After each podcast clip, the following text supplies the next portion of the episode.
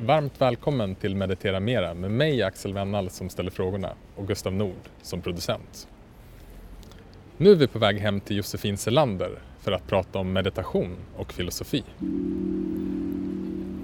Josefin Selander bor på Södermalm i Stockholm. Hon är idéhistoriker och doktorerar i modern historia. Hon har också en kandidatexamen i tv-produktion. Josefin har grundat Virja Yoga och skolan Nordiska Yogainstitutet där hon utbildar yogalärare. Hon har skrivit ett flertal böcker, däribland Dynamisk yoga och Yoga för dig samt hållit i över 60 yogaprogram på TV4. Nu är hon aktuell med boken Filosofi som terapi med undertiteln Verktyg för levnadskonst som hon skrivit tillsammans med Gustav Jonsson. Och meditation och filosofi är precis det vi ska prata med Josefin om idag. Hur kan filosofi och meditation komplettera varandra? Och hur kan filosofi hjälpa oss att leva mer i närvaro? Och vilka tips har Josefin till alla oss som vill meditera mera?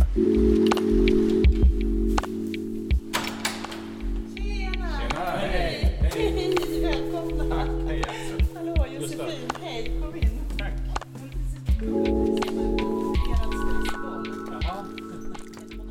Hej! Hej! Tack för att vi kommer hem hit till dig idag. Men Det är jättemysigt att ni är här. Ja, du har bjudit på lite franskt presskaffe och vi sitter här i ditt kök. Eh, och eh, vi ska ju prata om filosofi som terapi och meditation och filosofi idag. Eh, ser jättemycket fram emot det. Men jag tänkte att vi i sedvanlig ordning, som vi brukar göra i podden, inleda bara med en kort landningsmeditation. Om det är okej. Ja. Som sagt, vi sitter ju här i köket. Och, men den här meditationen kan man göra oavsett vart man är. Om man är på språng eller om man är, eh, ja, om man är hemma, sitter på bussen.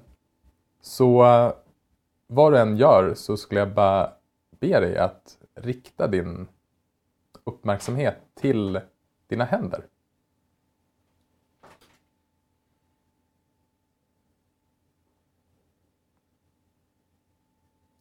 Så om du har möjlighet att rikta hela din uppmärksamhet till dina händer, så gör det. Men om du är på språng så kan du rikta en del av din uppmärksamhet till dina händer. Oavsett vilket så kan du bara låta den här uppmärksamheten vara som ditt ankare till det här ögonblicket.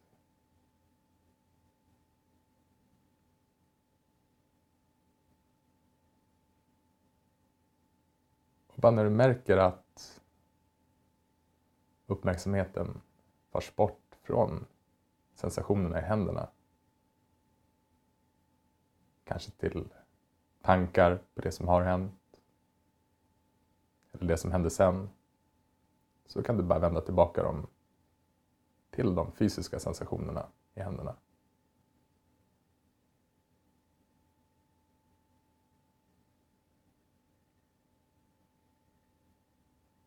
Bara upplev det som är som det är.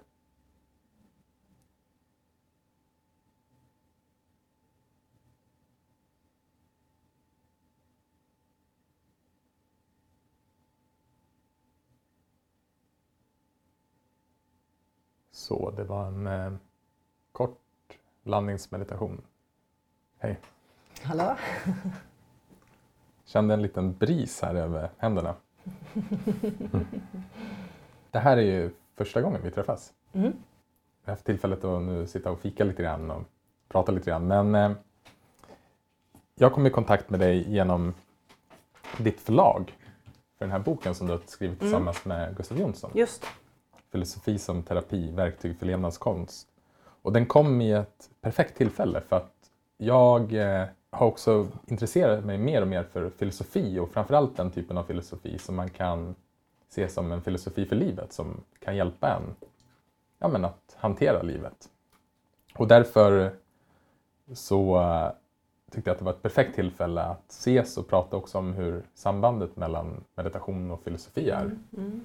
Och eh, jag har också tagit tillfället i akt att läsa boken som är jättefin med väldigt mycket liksom väldigt konkreta övningar. Och, jag, och som ni skriver så är det här ett smörgåsbord av olika Mm. Tekniker som man kan använda för att helt enkelt växla perspektiv. Precis. Och jag tänkte att vi skulle plocka upp lite grann av det här smörgåsbordet. Och jag har också under den här perioden läst ett par böcker om framförallt stoism som, som vi säkert kommer beröra idag. Men eftersom det här är en podd om meditation Mm. så är jag nyfiken på hur det kommer sig att du börjar meditera från första början. Ja, det, det, det har lite här, kanske en otippad början. Alltså jag är uppväxt eh, katolskt. Min mamma är från Italien. Så att jag kom i kontakt med eh, dels filosofi via katolska kyrkan. Det var en bra en präst liksom, som bjöd in mig till samtal eh, med en, en, en grupp.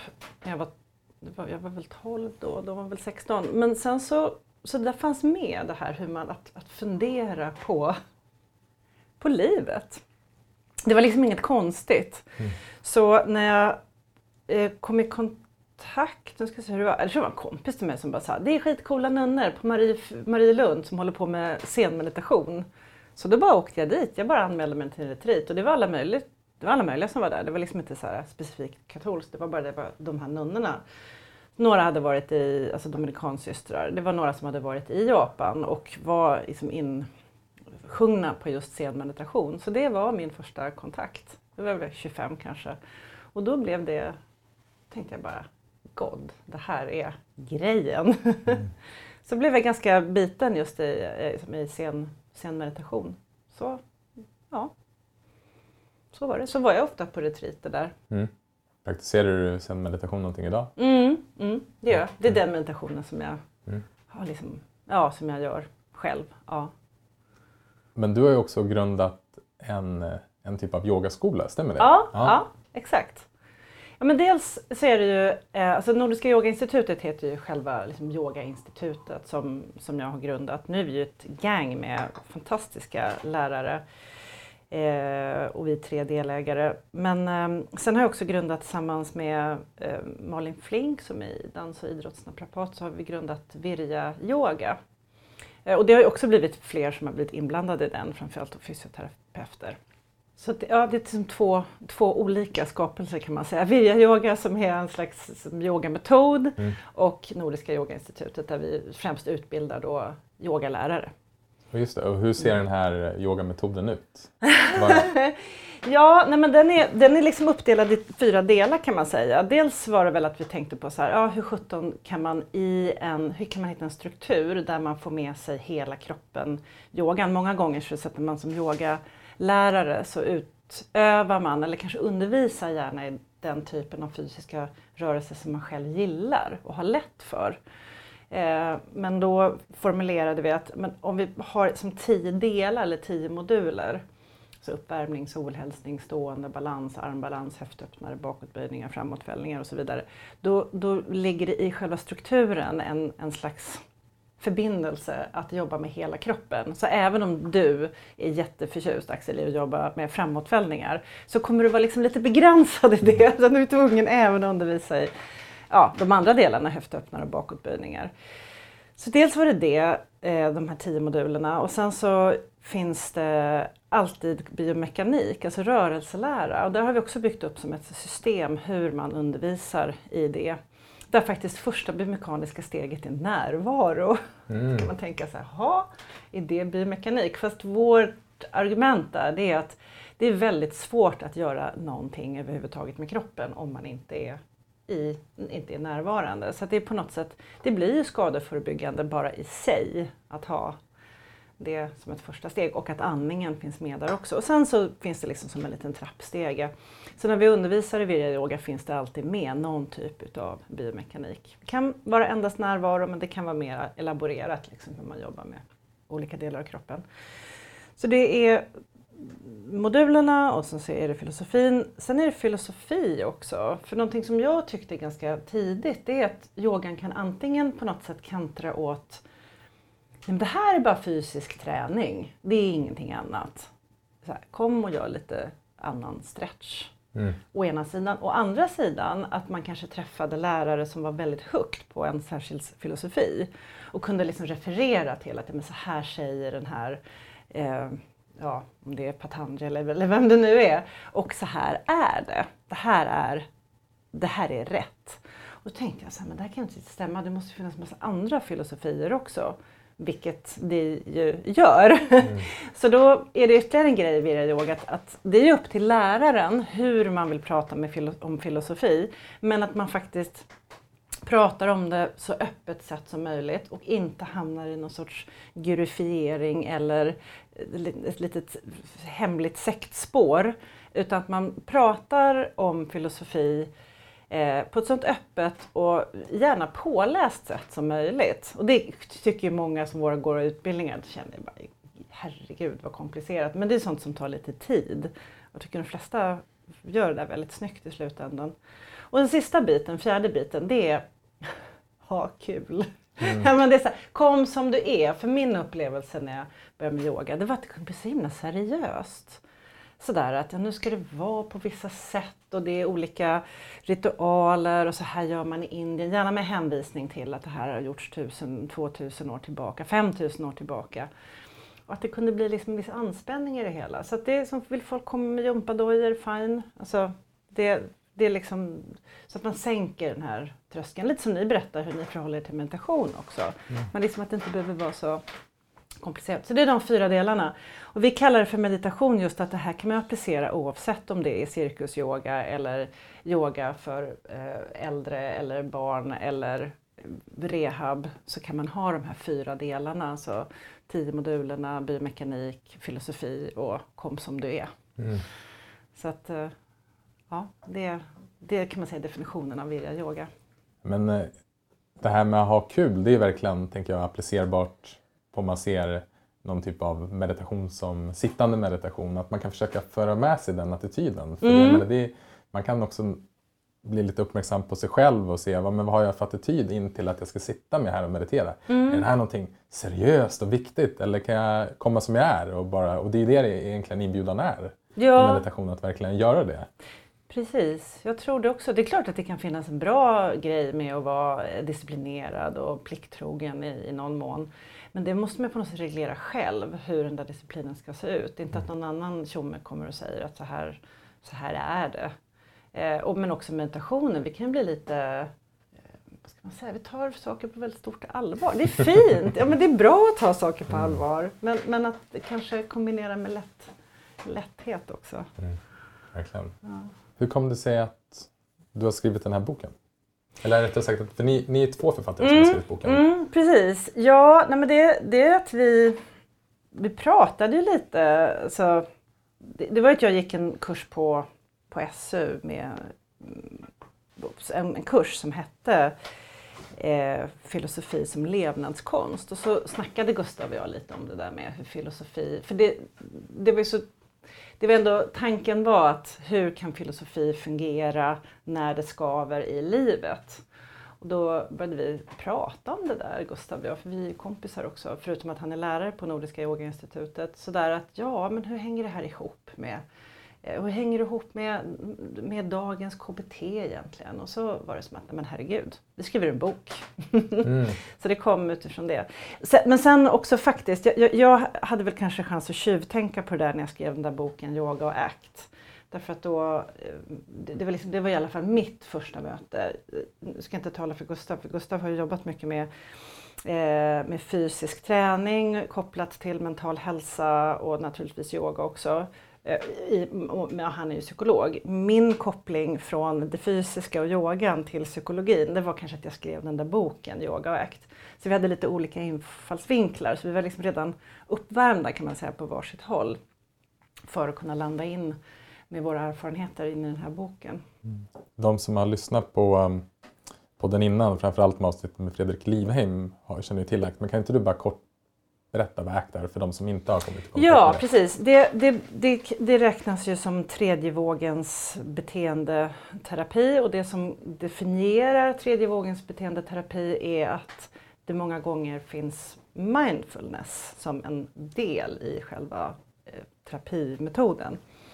Och Acceptance and Commitment Therapy, eh, som är då alltså aktiv förkortning på Acceptance and Commitment Therapy, för att göra en väldigt lång historia kort kan man ju säga att det handlar just om de här två delarna. Att i första skedet i någon mån acceptera, vara i, det som är. Och där, där är ju mindfulness en del i det hela. Att inte omedelbart försöka undvika eller eh, dras till någonting utan vara i, i problemet. Och det är ju det är oftast svårt. Men har man smärta till exempel så vill man ju bort från smärtan. Mm. Till 17 vill man sitta och liksom rulla tummarna och acceptera den. Men själva idén, i, eller en av idéerna i acceptance and commitment therapy, det är att för att förändring ska kunna komma till stånd så behövs någon slags utrymme kring det som är eh, problematiskt.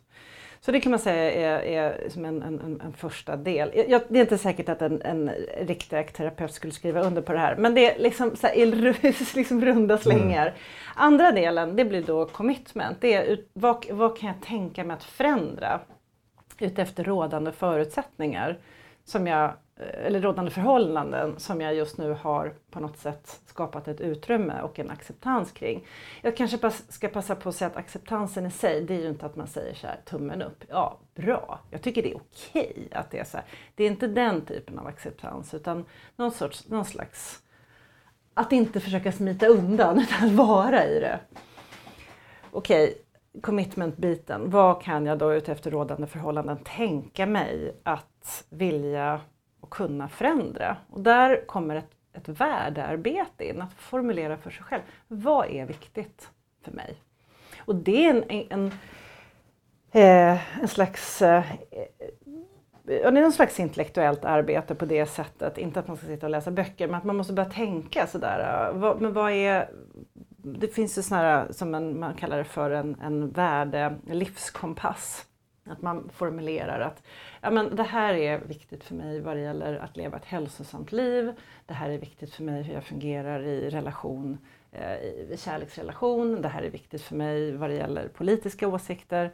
Att man faktiskt sätter sig ner och försöker fundera. Men hur, hur skulle jag vilja fungera? Hur skulle jag vilja vara som människa i de här delarna i livet? Mm. Och sen blir det då eh, att man funderar på hur pass motiverad man är till att göra den förändringen. Var det för fluffigt eller? Absolut inte. Nej, men det som slår mig när du beskriver de här är att precis när vi, nu när vi ska gå in och kolla på de här olika filosofierna som ni tar upp är ju att ACT på något sätt är ju en livsfilosofi, att man skapar sig sin egen livsfilosofi och sen mm. börjar liksom få verktyg för att hur man kan jobba mot den. Ja, i någon mån skulle man kunna säga det. Ja. ja. Och vad har, vad har du kommit fram till? Hur, hur kan filosofi fungera som terapi? vi har inte kommit fram till någonting. Nej, men vi, vi har kommit fram till den otroligt, eh, otroligt oklara slutsatsen att det beror på. Mm. Alltså det beror på, det beror, dels beror det på vad, det beror på vilket, vilket livsskede du befinner dig i såklart. Och att det där är i förändring. Man, det, man kan då inte säga one size fits all utan det beror, det är ju, det är här också det här obekväma arbetet kommer in. Att det är inte som en liten fix och färdig, det här är systemet. Här är tolv levnadsregler, kör på dem. Mm. Det är inte så. Utan det blir på något sätt att vi själv blir tvungna att snickra ihop att okej, okay, delvis då utifrån vad, vad man tycker är, är, i grunden värdefullt för en. Alltså, men hur ska jag fungera ut, utifrån det? Så att nej, vi har inte kommit fram till någonting. Eller, så här, eller vi har kommit fram till allt möjligt. Mm. Men jag tänkte vi kan djupdyka lite grann hur filosofin kan hur, hur den kan användas som ja. terapi, som mm. några av de exemplen ni tar upp. Och ni skriver ju bland annat om Sokrates och den sokratiska dialogen. Mm, mm. Kan inte du berätta lite grann om den och hur man kan använda den mm. för sig själv? Den är ju lite klurig för själva idén med den sokratiska dialogen det var att Sokrates gick runt på Atens gator och var skitjobbig helt enkelt. Han frågade folk frågor. Jag vet inte om han frågade precis vem som helst men eh, det exemplet som vi har tagit det är ju när han eh, eh, det är väl dialogen eh, Laches som Platon har skrivit. Då går han runt och pratar med, eh, han frågar två stycken generaler, alltså den ena heter Laches och den andra heter Nikas, och frågar dem så här, ah, okej okay, hur ska ni beskriva mod? De är ju generaler, de har ju full koll på vad mod är och förklarar liksom. Ja, men det är när man eh, till exempel inte viker av i, vid det första ledet när fienden kommer. Det, och det var mod, det är att stå kvar och mötas fienden i striden. Och då börjar Sokrates vrida och vända på det där och säga så här, ja fast det var ju ett krig här för inte så himla länge sedan då faktiskt folk vek av i första ledet för att sen eh, göra ett anfall bakifrån. Så det kan ju inte riktigt vara definitionen på mo mod. Och det är då hans teknik att om man säger att ja, men så här, det här är mitt, det här anser jag är, låt säga lycka, eller det här anser jag är så var hans teknik att hålla på och ställa massa frågor. Sen var ju hans grundidé att alla vi i grund och botten har svaren. Han kallade sig själv för en typ av barnmorska. Mm. Att, det är så att föda fram dina egna idéer, det var inte någonting som han själv kom med. Utan det var ju liksom att ställa frågor. Och ska man vara liksom krass så kan det vara svårt att göra det här själv. Därför att det, det är svårt att göra sig, göra sig å ena sidan som Sokrates och å andra sidan som den som Sokrates frågar. Men vi har ju på något sätt gjort som ett förslag här hur, hur man skulle kunna eh, liksom vri, vrida och vända på det. Och en, en teknik som kommer igen, det kommer ju delvis från ACT också, det är att fråga sig själv, är det här alltid sant? Man tar exemplet med mod då, så hade Sokrates kunnat fråga generalerna Okej, ni säger att mod är att inte vika av i första ledet när striden kommer, men är det alltid sant? Så det är en ganska bra så här, kontrollfråga. Jag känner mig som en helt värdelös människa. Okej, är det alltid sant? är det alltid sant i alla situationer?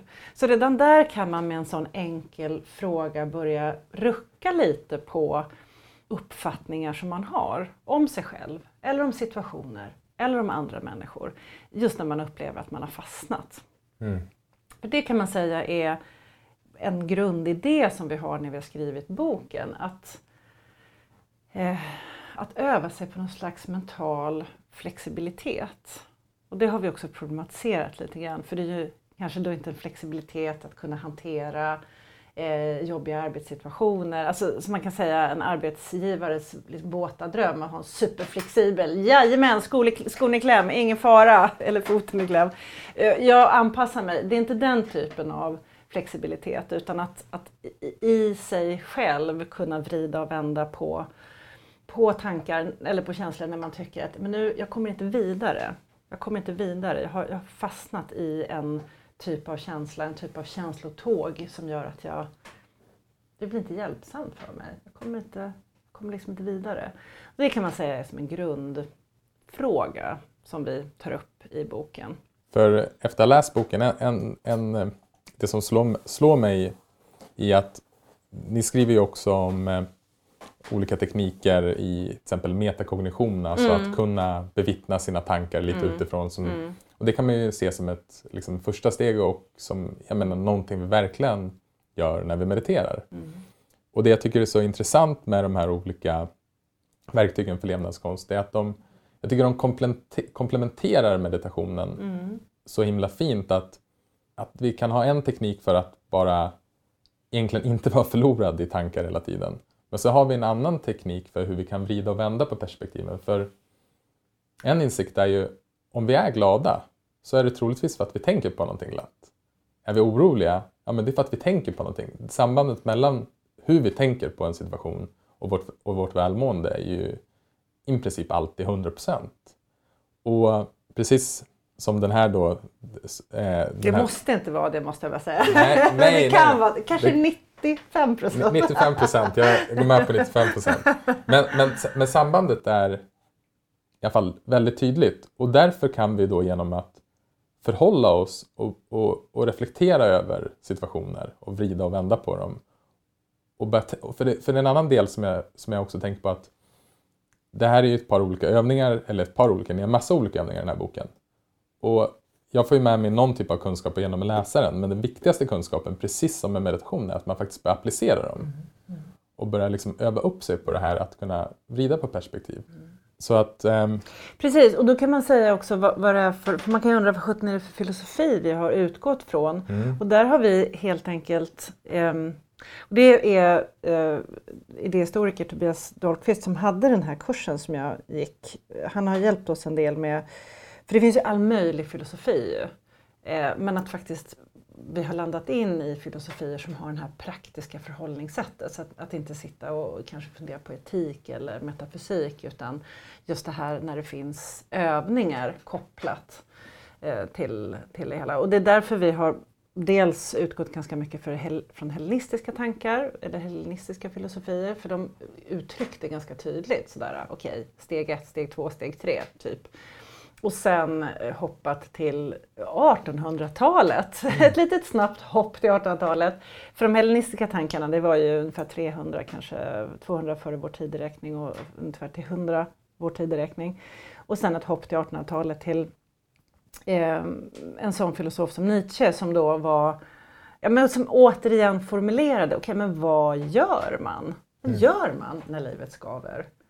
Ska vi börja med de gamla grekerna mm. för att se efter ja. vad, vi, vad, vi, vad vi kan lära oss av dem? Mm. För, för, en del i, i den typen av filosofi är ju, är ju att man eller, rätt sagt att de såg ju att det var ju själv, att det var inte själva problemet låg inte själva sakerna utan hur vi värderar dessa och alltså hur vi förhåller till dem. Mm. Och, att, eh, och att vi då kan lösa, vi kan rättare sagt, vi kan förändra hur vi förhåller oss till saker snarare än sakerna själva. Ja, exakt. Man kan säga hardcore-filosofin i det här är ju, skulle jag kanske säga, den stoiska filosofin. Stoikerna är ganska tydliga med att det går inte att, det yttre går inte att förändra alls.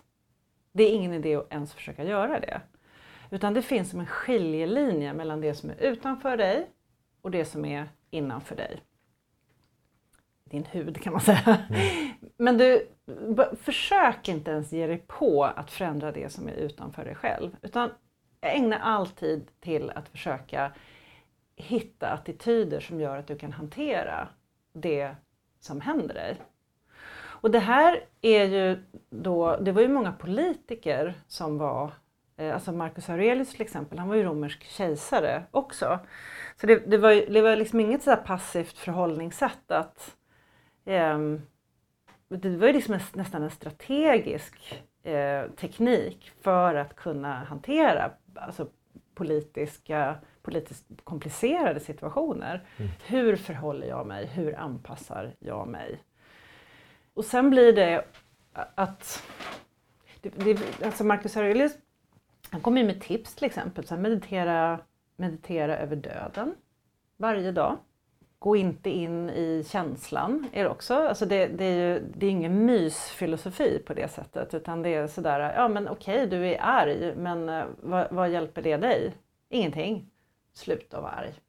Alltså, ska man hårdra det så är stoikerna ganska, det är som rakt på. Eh, och det är, det, jag vet inte, jag tycker det är kanske är lite intressant att just stoicismen har blivit ganska poppis nu. Mm. För Varför tror du att det blivit det för? Ja, därför att jag tror att det är ganska tydligt.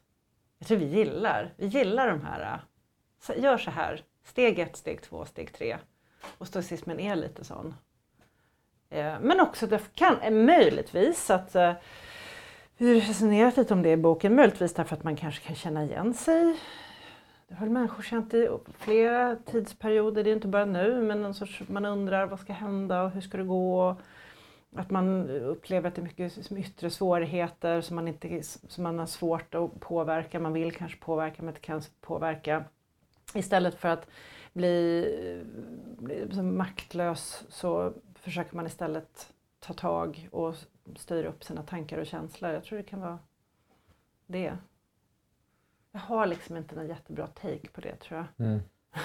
Nej, för, Vad tror du? Nej, men, av det jag kommit i kontakt med, med den livsfilosofin så, så ser jag ju att ja, men, men dels du, det du beskriver att släppa kontrollen på det som vi inte kan påverka. Och det krävs ju ett jobb att undersöka, okay, men vad är det vi kan påverka och vad är det vi inte kan påverka?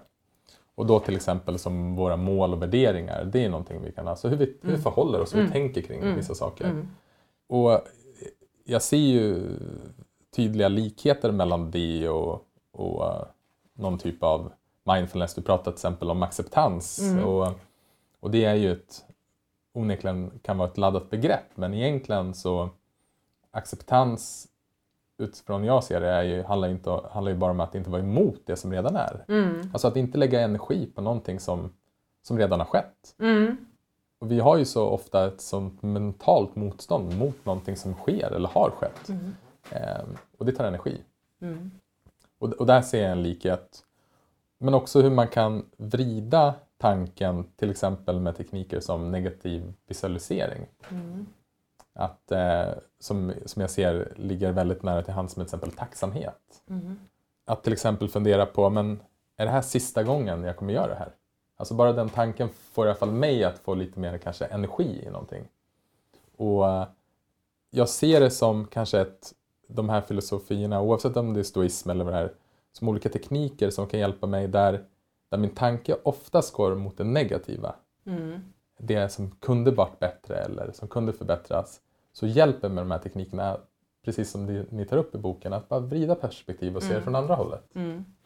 Man kan säga det här, om man ska bara knyta an till det du pratar om tacksamhet, så är ep- epikureerna, är, de är inte lika kanske hardcore som stoikerna som bara menar att det är, du, du, du får deala med det här i, i ditt inre. Utan ehm, man pratar ju om, om, om lycka inom ehm, epikurismen. Men man pratar om lycka som frånvaro av smärta.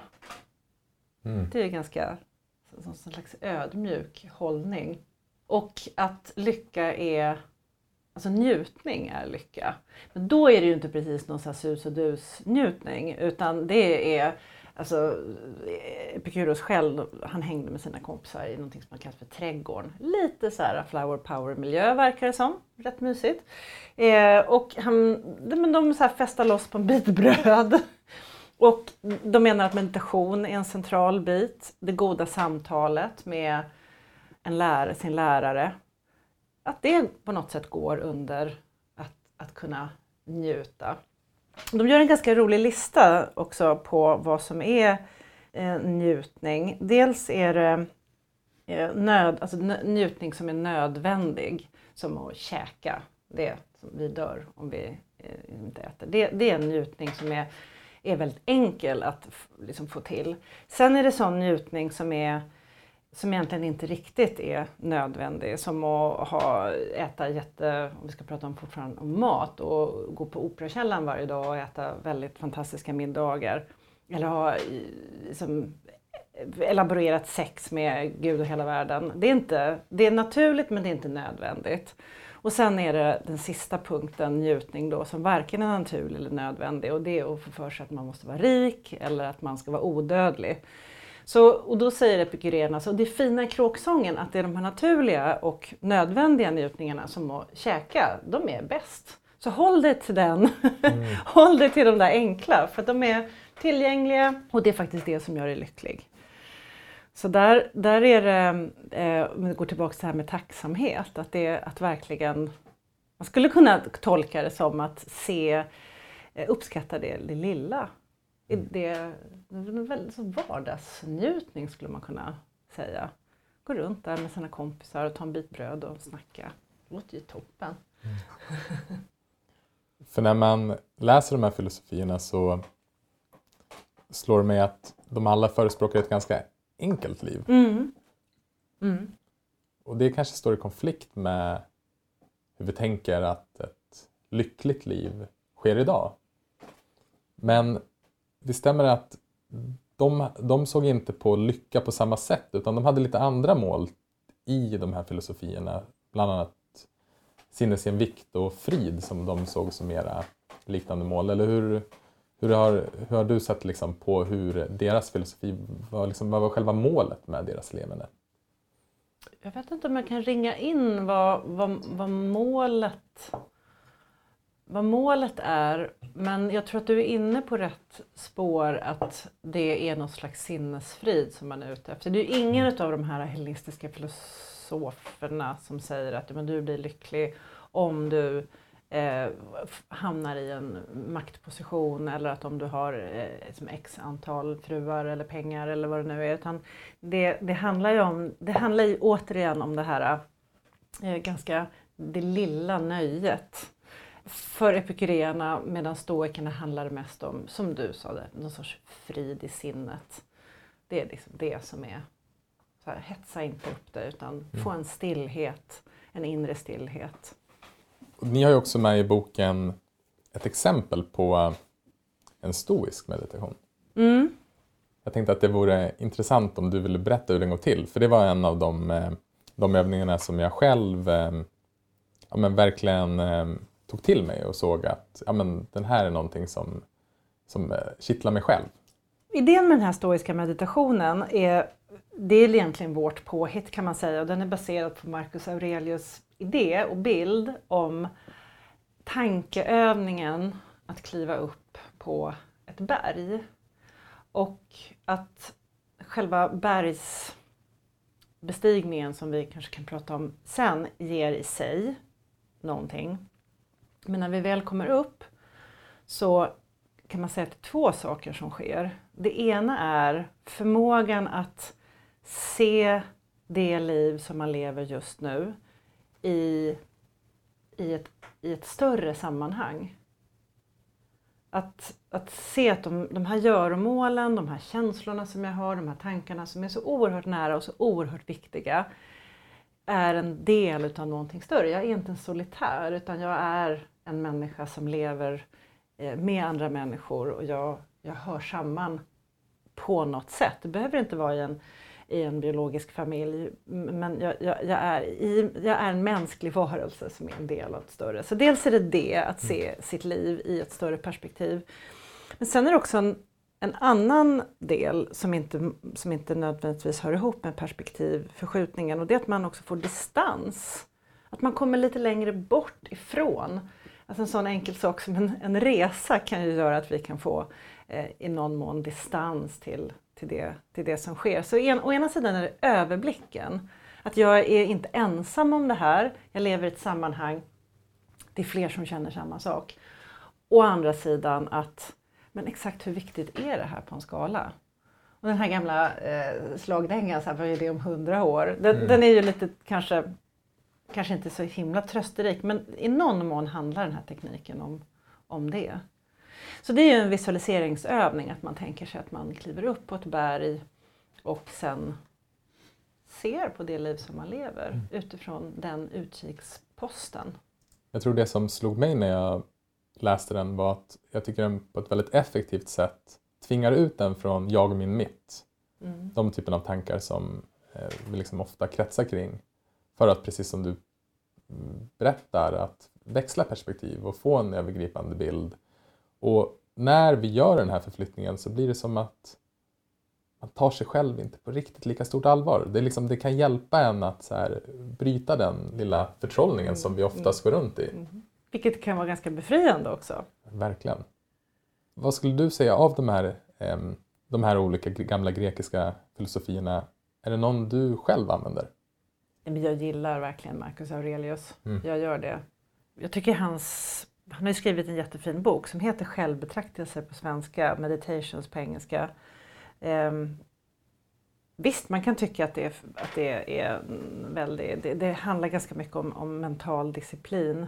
Men det kanske slår an till den här uh, mitt in, intresse med fäbless för sedmeditation. Det finns en väldig en enkelhet och, och i det hela. Ja, men jag gillar nog det. Sen kan jag ju liksom intellektuellt tänka att herregud, det är, ganska, det är inte så himla lätt alla gånger mm. att köra den. Men, eh, nej, men jag tycker nog om Marcus Aurelius. Mm. Jag tyckte väldigt mycket om hans bok mm. Meditations. Ja, men jag håller med, det har varit en av de böckerna jag har läst för att träffa dig. Och, ja. och det, är, ja, men, det är intressant att se att för, eller för ungefär 2000 år sedan hur, så, hur lika vi är i liksom, det mm. mänskliga sinnet när det kommer till mänskliga problem och hur hur han förhåller sig till, ja, men till sin omgivning och till sig själv. Och, ja, men, vissa saker, ibland när jag läser upp det för min fru så säger hon att det där är självklart. Mm. Men Och det är självklart i mångt och mycket, men att påminna sig själv om det och att inte att kunna helt enkelt ja, men kunna växla perspektiv. Mm.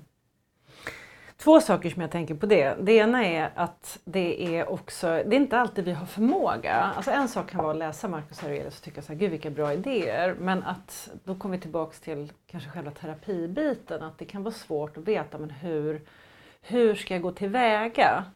Eh, nu bjuder ju eh, stoikerna och då kanske framförallt Marcus Aurelius, inte framförallt men även Marcus Aurelius bjuder oss då på även tekniker, alltså vad vi faktiskt ska göra. Att kontemplera över vårt liv varje dag, att tänka på döden, att ge oss de här bilderna, att kliva upp på ett berg. Men ibland kan det också vara som att det är svårt att få till det har jag tänkt på lite ibland, att de här filosofierna är bara, ja men det låter så himla bra, men när man är fast så kan man behöva andra tekniker. Mm. Och det är där jag tänker också att, att, uh, att KBT och tredje vågens beteendeterapi kan vara ännu mer specifik med vad man faktiskt kan göra för att laborera lite grann med med, med tankar och känslor och göranden, vanor. Och det, det kan man säga också, för du sa perspektivskifte, det kan man säga också är, jag sa att en grundidé med den här boken är just en slags flexibilitet och det har vi ju kopplat med just perspektivskifte. Hur, hur gör vi för att byta perspektiv? Och vi har haft den här bergsbilden har vi haft med oss som en sån där grundbild. Men det är klart att det här perspektivskiftet är ju att få liksom en slags distans, men det handlar ju också om, vet att Gustav och jag pratade om det här, men det handlar ju också faktiskt om att, att kunna zooma in. Det är inte bara att få den här distansen. Mm. För jag vill gärna avsluta den här boken med den här äh, kliva upp på berget och då sa Gustav, ja fast faktiskt perspektivskifte det handlar också om att kunna, inte bara zooma ut utan att kunna zooma in. Mm. Ja, och då kan vi ju komma in faktiskt på Nietzsche. Mm. han, pratar ju, han pratar just, han pratar inte om att zooma in och zooma ut, men han pratar om kunskapens optik. Och i ordet optik har vi ju liksom ändå implicit det här med att kunna mm. zooma in och zooma ut. Och han menar att, att det, det ger en slags kunskap om oss själva och om världen, att kunna växla eh, att kunna växla perspektiv och, och kunna ömsom se saker i ett större, den här distanserade, i ett sammanhang. Men ibland bara behöva kunna snöa in på väldigt detaljerade små, små utsnitt av oss själva också. Och Nietzsche gillar ju att kliva i berg också, kan man ju. Just det. För um, en del som ni tar upp där är just Nietzsche och kultiveringen av kroppen. Ja, och sambandet mellan den fysiska aktiviteten och ens tänkande. Precis. Eh, jag tycker Nietzsche är rätt skojig på det viset. Ska vi prata om Nietzsche och nazism först så att vi får det ut, ut ur blodsystemet? jag, vill bara, jag vill ändå liksom bara slå ett slag för att för vissa som kanske hör det här Eh, det beror på vilken generation man tillhör, har hört att Nietzsche var någon sorts eh, nationalsocialistisk eh, husfilosof till liksom Hitler och dem. Jag ska, grejen var att han, Nietzsche själv fick en, man vet inte om han fick en stroke, men han blev i alla fall, sista tio åren var han eh, inte liksom, kapabel till någonting. Och då mm, passade hans syster, hon var antisemit. Hon passade på att ta hans texter, redigera om dem så att de passade den här begynnande djupt nationalistiska rörelsen som fast fanns då delvis i Tyskland. Men Nietzsche själv, han tog ju avstånd från till exempel Wagner och han, han, skrev, han har också skrivit hur otroligt motbjudande han tycker antisemitismen är. Så, att, så, det, så Nietzsche har liksom sista åren fått upprättelse. Mm. Så jag vet inte, så att om man inte visste om det så vet man, fick man en liten historisk odyssé och var det så att man kände att, det liksom, att man får lite i halsen när man hör ordet Nietzsche och tänker så äh, men var inte han den där? Så han är fri. Så istället för deplattforma Nietzsche så replattformar vi honom? Ja, vi replattformar honom. Ja, ja, ja. jag vill bara liksom ändå säga det. Eh, jag tror att vi har nämnt det kanske i boken också, jag vet inte. Men, nej men precis, Nietzsche han, han går ju som bara den. Han, han har med sig en anteckningsbok och han går och går och går och går. Han diggar och går i Alperna. Och han menar att där han kommer på, han kommer på sina idéer där. Alltså han kan tänka när han är ute i, i, i bergen. Och det han menar också, det, det som jag på något sätt det som vi har pratat om och varit inne på, att själva aktiviteten också, att kliva upp för berget, inte bara det, slu, det faktiska slutresultatet när man är där uppe på toppen, utan själva eh, praktiken att gå upp för berget är i sig någonting stärkande. Eh, och det i sig gör någonting för oss människor. Så att han är inte då bara som Marcus Aurelius, att man tänker sig att man går upp för ett berg, utan det är faktiskt, man går upp för berget på riktigt. Mm. Och det nya perspektivet som du faktiskt får när du är uppe på berget, det faktiska, den här vyn kommer också ge någonting i, eh, i ditt sinne, i din själ. Så det, det, det är sånt här djupt praktiskt. Mm. Ja, det är intressant att se att, att det även finns filosofier på, på friluftsliv. Ja men precis, ja, ni diggar ju att gå i berg. Ni ja. är liksom värsta nietzscheanerna. In disguise. Ja. Ett par andra sådana övningar som, eh, som jag tyckte var väldigt användbara som, som ni har med i boken, det är bland annat Livet som en filmtitel. Ja. Du skrattar och det, och det är härligt för att det är ju att på något sätt att kunna använda humor för att kunna se sig själv lite utifrån och sin situation. Precis. Eh, ACT är ju väldigt bra på det, jag vet inte om man kan säga att ACT är bra, men, men alltså det, det finns väldigt mycket roliga eh, tekniker och det är Stephen Hayes bland annat som har varit med och kickat igång eh, ACT. Men det är ju många eh, ACT-terapeuter som, som också har hittat på egna väldigt roliga, bra Eh, eh, så syftet med de här övningarna kan man säga, det är att, att använda språket som perspektivskiftare.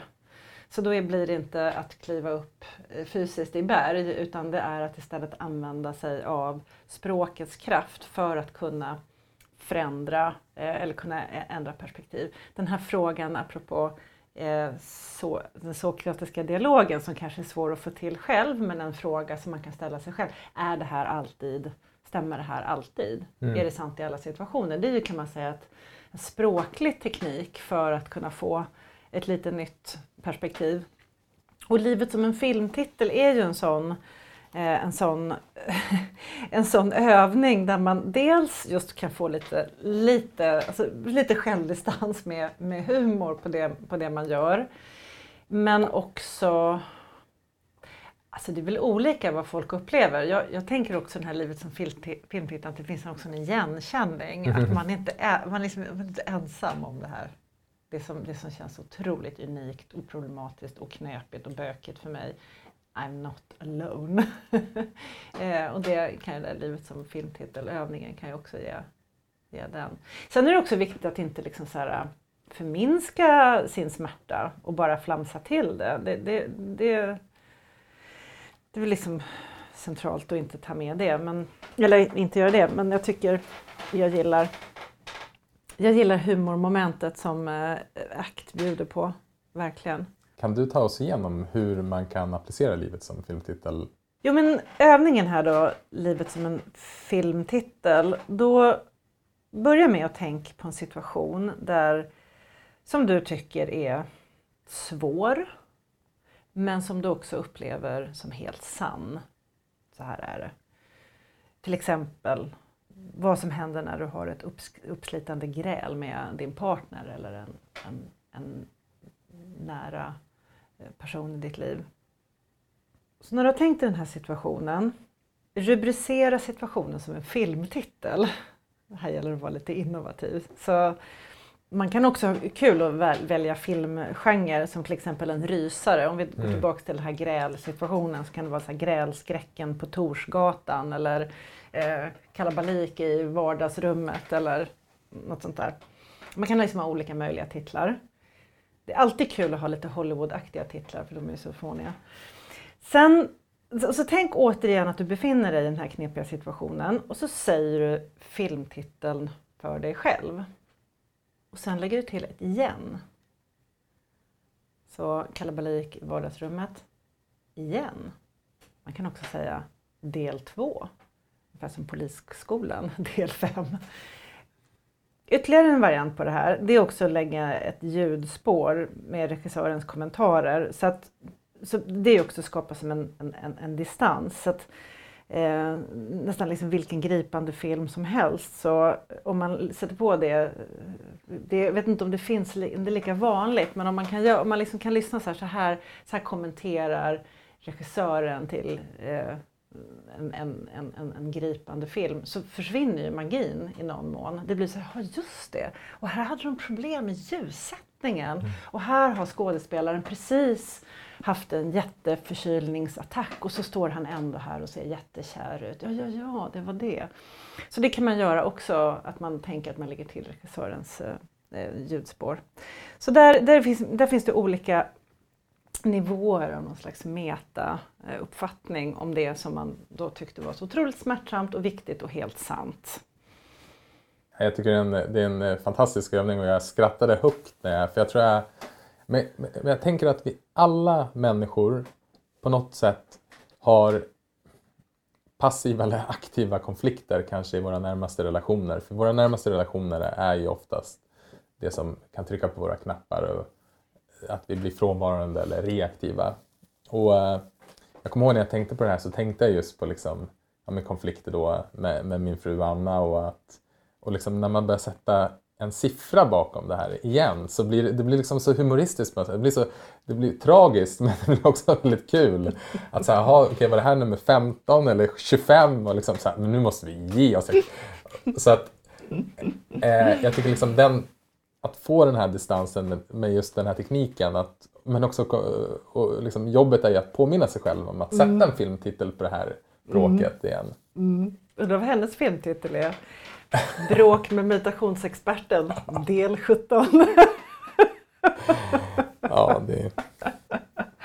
Ja, nej men det du säger, det finns ju naturligtvis en jätteigenkänning i det där och det är också så, det, det jag tycker också är lite skönt med den här filmtitelns bit, biten, så, att just det, återigen, mm. jag, är, jag är liksom inte ensam. Nej. Så här är det vara människa.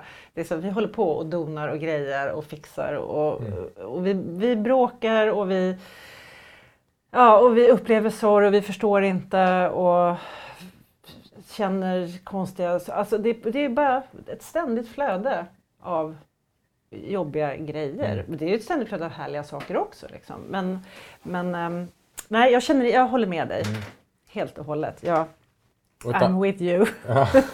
Men ett annat sånt där perspektivskifte som är åt andra hållet, om det här är liksom addera humor på det hela och, och man vill addera allvar på eh, i en konflikt som man kanske har i, i sina nära relationer är just att kontemplera över döden. Mm. Mm. Om, om, mm. om, min partner hade gått bort, mm. om inte hon var mm. här imorgon, hur mm. mycket betyder det här bråket? Hur viktigt är det att jag har rätt i den här situationen? Eh, det är också ett sätt liksom, hur man på olika sätt kan använda de här olika teknikerna. Bara för att, men, som, som ni skriver, bryta sig loss från att vara fast egentligen i oftast ganska långa negativa känsloreaktioner.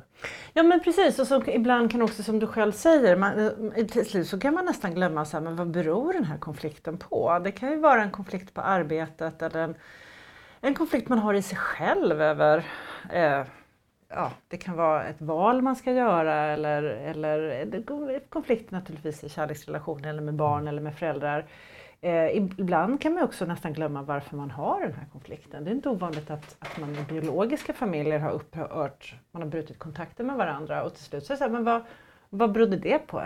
Man kommer inte, antingen kommer man inte riktigt ihåg det eller så var det en så otroligt så här, fjuppig orsak. Mm. Och förhoppningsvis kan de här övningarna hjälpa oss att ja, men just få lite perspektiv och distans. Men är den här konflikten, är det här innehållet i konflikten i paritet med de här känslorna och de här reaktionerna och aktionerna som jag gör i förhållande till det.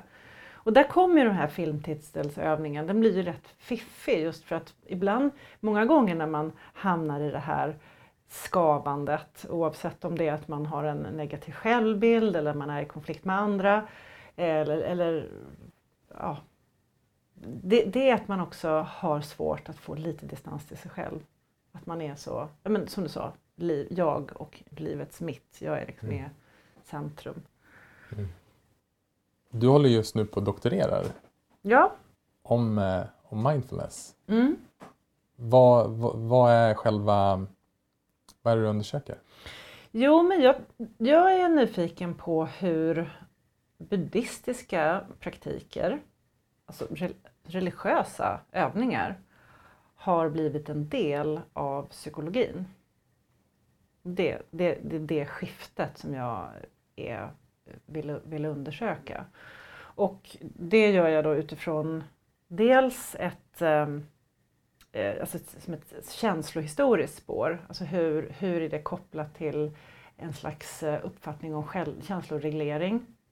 Men sen menar jag också att det är en typ av kunskapsproduktion som blir till. Det är ett, det är ett kunskapsgörande som blir eh, under 1900-talet. Idag tänker vi kanske inte så himla mycket på, när vi pratar om mindfulness, så är det, det är ju en kunskap som är implementerat i våra liv. Men det är ju, för hundra år sedan var det inte, då fanns inte den uppfattningen om att det är ett sätt att göra en buddhistisk meditation, är ett sätt att till exempel hantera stress. Så det är liksom ett, ett görande av, av kunskap. Och det tycker jag är spännande för att jag tror att det, det, det är intressant att, att rota lite det där som ibland kan uppfattas som någon sorts uråldriga och autentiska kunskaper och se att, men vänta här nu, är det verkligen det eller är det här delvis nya tankeprodukter? Mm. Så, ja, så att det blir såklart ett historiskt perspektiv, så det är under 1900-talet. Eh, och försöka kika på det. Jag vet att du precis har börjat med det här, mm. men, men vad kan man säga liksom har hänt kring mindfulness och eh, när det togs till väst då, här de senaste hundra åren? Ja, alltså det är ju som en, det är flera steg kan man säga. Dels är det ett steg att, att plocka ut en praktik av flera i en religiös kontext. Eh, och det vill säga att man plockar ut meditationen. Och meditationen var ju egentligen en monastisk, alltså det var ju liksom munkar. Det var inte säger man, lay people. Det var, inte som, det, var inte som, det var inte vanligt folk som vi som Nej. i första hand mediterade utan det var mest eh, munkar och då kanske nunnor som gjorde det.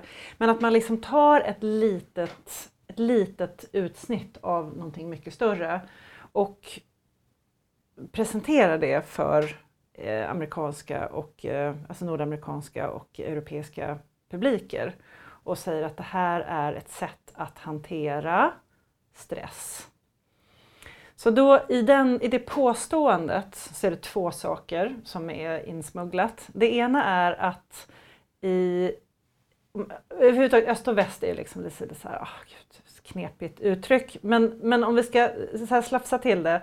I öst finns en kunskap om andlighet. Det finns en visdom. Medan i väst så finns det en kunskap om teknologi och även således så, så stressar man. För att vi ska kunna kom, komma i kontakt med oss själva, för att minska stressen, så måste vi komma i kontakt med eh, de här teknikerna som kommer från öst. Så det här är ju liksom en, ett, på, ett påstående som började florera under 1800-talet. Så öst står för andlighet, väst står för teknik och även stress. Så det är ju flera grejer i det där. Dels att man tar något lit, en, en del utav något större. Eh, det, man, gör, man skapar en slags sekulariserad buddhism. Men det är ju inte en slump. Ni har ju sett det här vardagsrummet. Jag är en karikatyr på en västlänning som flörtar med buddhistiska eh, buddhistisk estetik. Jag menar, jag är första att anmäla mig i gruppen. Men att, att det just är så att det, det finns någonting, ett hopp om det där andra, ett hopp om att det där som inte finns i ens egen kultur, att det ska kunna ge en eh, stillhet, kontemplation, vishet, kunskap. Mm. Så det finns också en väldigt liksom, exotisk bild i det där. Så att man kan säga att man tar, man tar bara en del av dealen.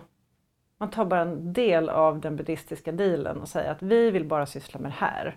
Vi vill bara syssla med meditationen och så ska vi använda det i ett specifikt syfte och det är för det mesta stresshantering. Och det tycker jag är jätteintressant för att det, det var ju frågan om på mitten av 1800-talet, det var ju liksom det hade ju inte varit självklart alls. Men mm. idag är det bara, vi på något sätt likställer också eh, meditation med stresshantering. Och sen kom ju John Kabat-Zinn och kallade det för mindfulness. Det finns ju, mindfulness finns ju med i buddhistiska praktiker men då, då gjorde ju han en, en väldigt tydlig koppling mellan mindfulness och stressreducering. Mm. Och sen har det blivit en industri kring det hela. Som vi pratade om innan, in, när vi förfikade, att, som du nämnde, att det, är, ja, det, är ju, det finns ju många, många andra kopplingar till det. Och det jag vill titta på det är hur det då kopplas till, eh, till sjukvården helt enkelt. Hur, hur den här eh, meditationen blir en del av att hantera psykisk ohälsa. Det är ett väldigt spännande ämne och det ska bli framförallt ska bli spännande att, att följa din, din forskning. Ja men vad roligt, vad Ja. glad jag blir. Jag Ja. tycker också att det är jättespännande för att det är ju det är, rätt, det är viktigt. Jag tycker Mm. det är viktigt att kunna både uppskatta praktikerna men jag tycker det är viktigt att vara lite kritisk till det också. Så tycker jag framförallt att det är viktigt att historisera, alltså titta på de historiska, alltså som jag tror det ger en, ger en spännande kunskap. Mm.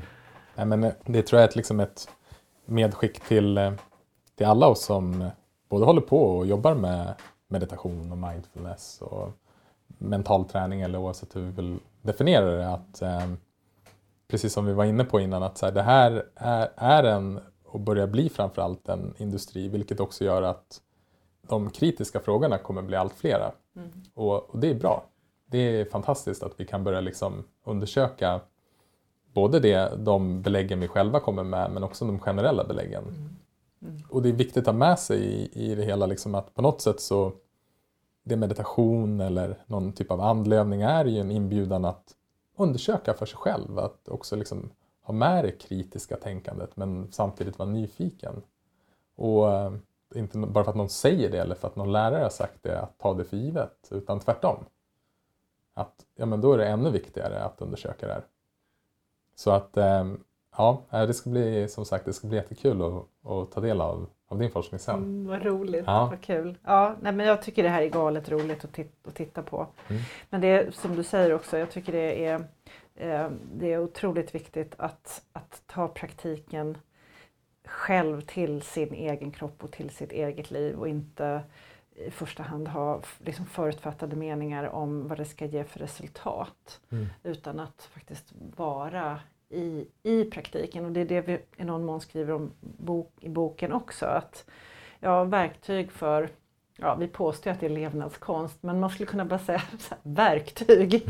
eh, att, att använda meditationen för sig själv och, och strunta i vad andra säger att eventuellt vad det kan ge för, för resultat. Utan göra det verkligen som en eget utforskande. Vad ger det här mig?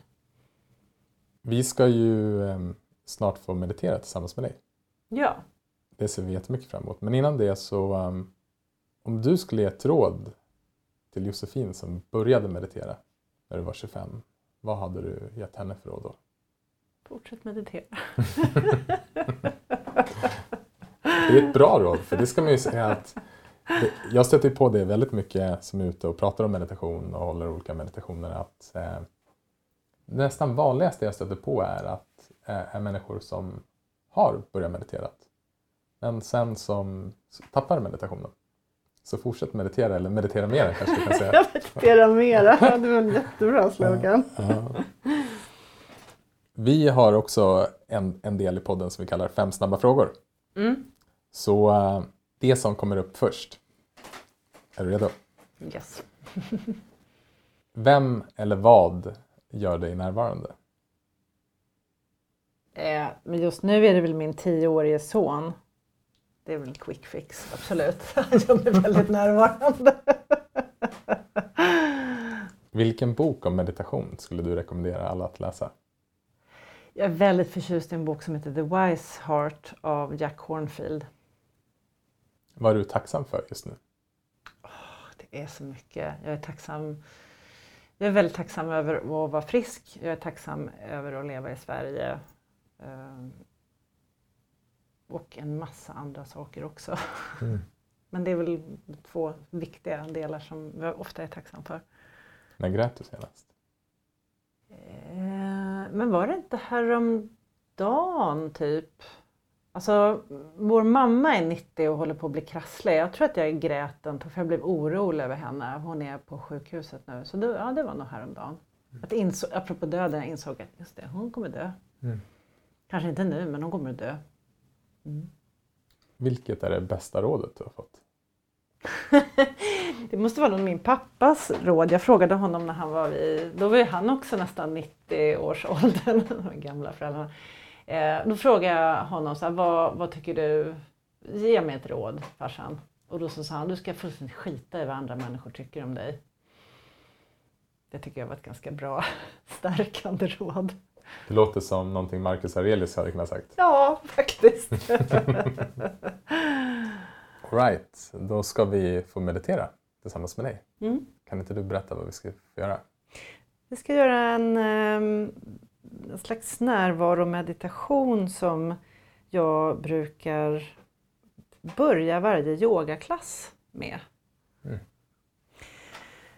Så ehm, lite beroende på var du är någonstans just nu, men om du har möjlighet att sitta med rak rygg, som du sitter på en stol, så att du sitter på kanten på stolen och har fötterna ungefär under knäna. Att du vilar kanske händerna på låren också. Och så kan du bara vicka lite fram och tillbaka så du känner av sittbenen under underlaget. Så kan du antingen sluta ögonen eller titta på en punkt snett framför dig. Så börja med att ta ett djupt andetag.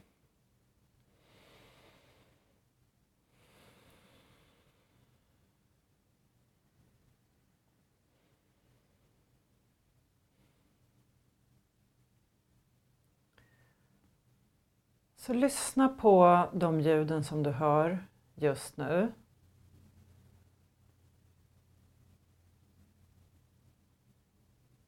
Vissa ljud är säkert helt tydliga och uppenbara. De kanske är nära dig också. Medan andra ljud är mer avlägsna.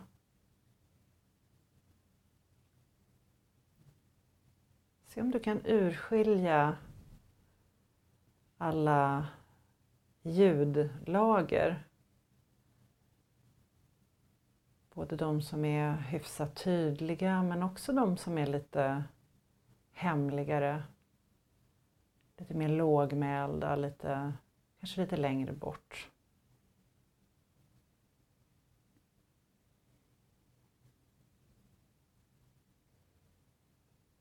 Medan du gör det här lyssnandet så bara låt andningen komma och gå utan, utan att du styr andningen utan bara andningen kommer och går.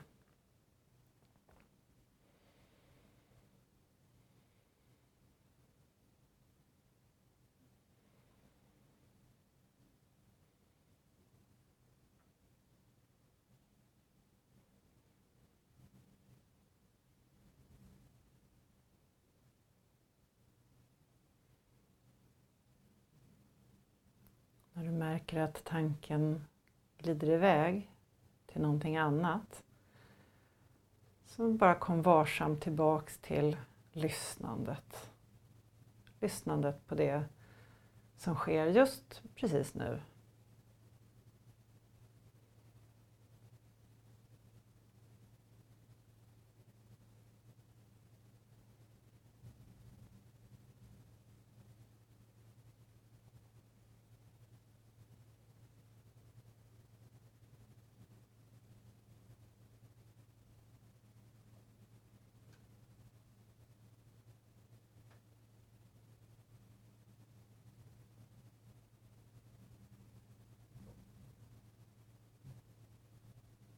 Så lägg till en uppmärksamhet på din andning.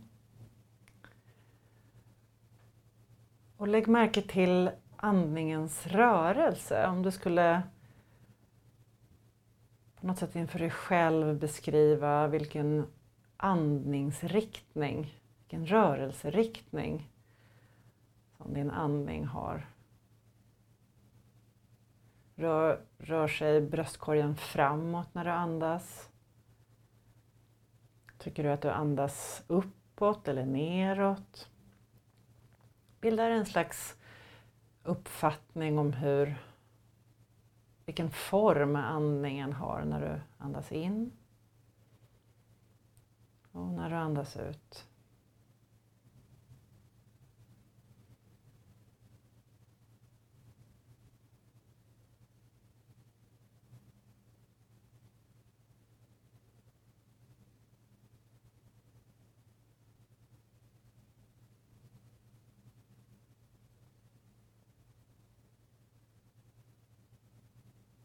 Så samtidigt som du behåller det här lyssnandet på vad som händer där du är just nu. Så låt samtidigt din andning bli mer tredimensionell. Så att om du tyckte att du andades framåt, se om du kan börja andas bakåt i kroppen. Om du uppfattade andningen att den rörde sig uppåt kan du börja andas neråt i kroppen lika mycket.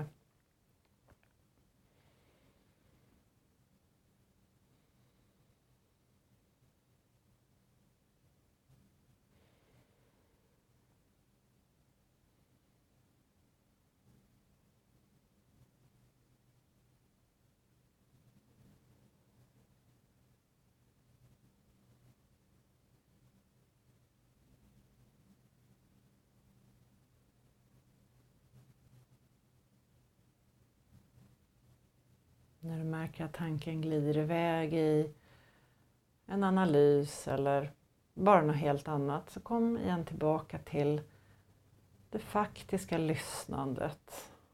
Ett slags värderingsfritt lyssnande och andningen. Den tredimensionella andningen utan att direkt forcera men snarare bjuda in till en generös och bred andning.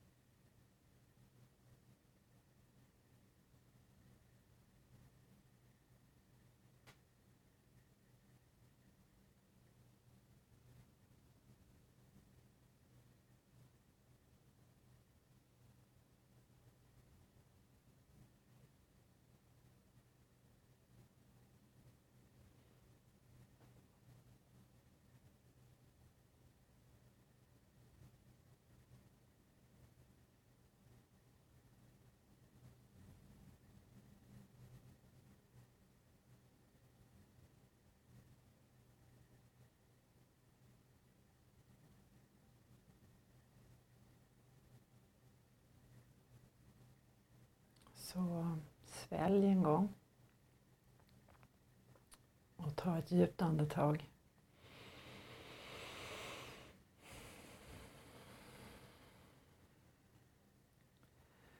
Så kan du varsamt öppna ögonen och röra lite grann på kroppen.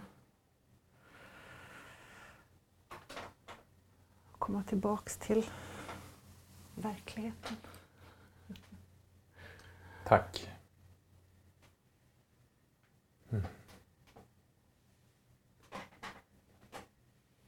meditation kan verkligen, ehm, det kan verkligen nästan reboota systemet så att när man väl öppnar ögonen så är verkligen alla sinnesintryck så himla mycket skarpare än de var. Det är fantastiskt bara på det sättet att, kunna, att kunna se nyanser på ett helt mm. annat sätt.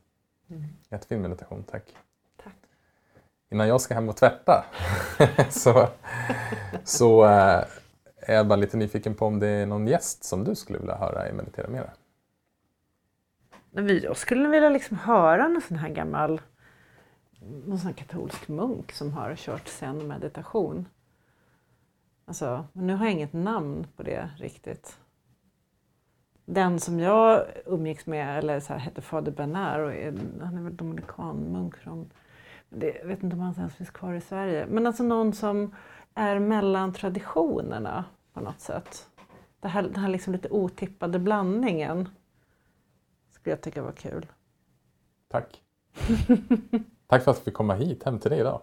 Ja, men det var ju så himla mysigt och så himla så trevlig kombo med att ni är här och pratar, dricker kaffe, tar pepparkakor och sen meditera med er i sitt eget kök. Det är fantastiskt.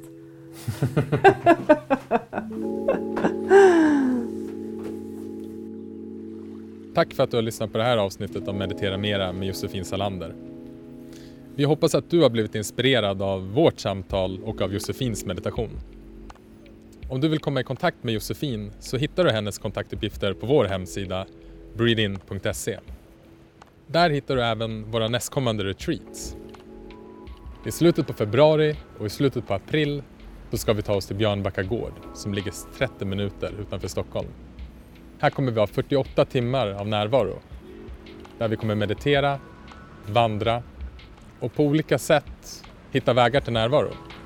Och det här retreatet är för dig som vill komma iväg en helg och utforska vad meditation och närvaro kan vara. I slutet på mars ska vi också tillbaka till Margreteholm tillsammans med Tess Elkvist för att utforska sambandet mellan meditation och växtbaserad mat. Här bor vi på den fantastiska herrgården Margreteholm och eh, på dagarna så kommer vi även utforska skogarna runt omkring på långa härliga vandringar. Och sist men inte minst så ska vi tillbaka till Italien i höst för ett riktigt äventyrsretreat. Såklart med massa fokus på meditation och italiensk mat. Kan det bli bättre? Du hittar alla våra retreats och mer information på vår hemsida burdin.se. Och där hittar du även våra kontaktuppgifter om du har tips på någon gäst som du skulle vilja höra i Meditera Mera. Vi hoppas att det här avsnittet har hjälpt att utforska hur meditation och filosofi kan komplettera varandra. Och i grund och botten handlar det om att kunna ifrågasätta sånt som vi tar för sanning. Att precis som Sokrates kunna fråga sig, är den här tanken verkligen sann? Och med olika tekniker kunna vrida på perspektiv. Och varför vill vi göra det? Jo, men helt enkelt för att vi vill försöka må så bra som möjligt. Och tyvärr är det ofta så att hur vi tänker kring en situation är oftast problemet snarare än situationen. Och är det någonting vi har tagit med oss från vårt samtal med Josefin är det att ibland stanna upp och försöka se sitt liv som en filmtitel.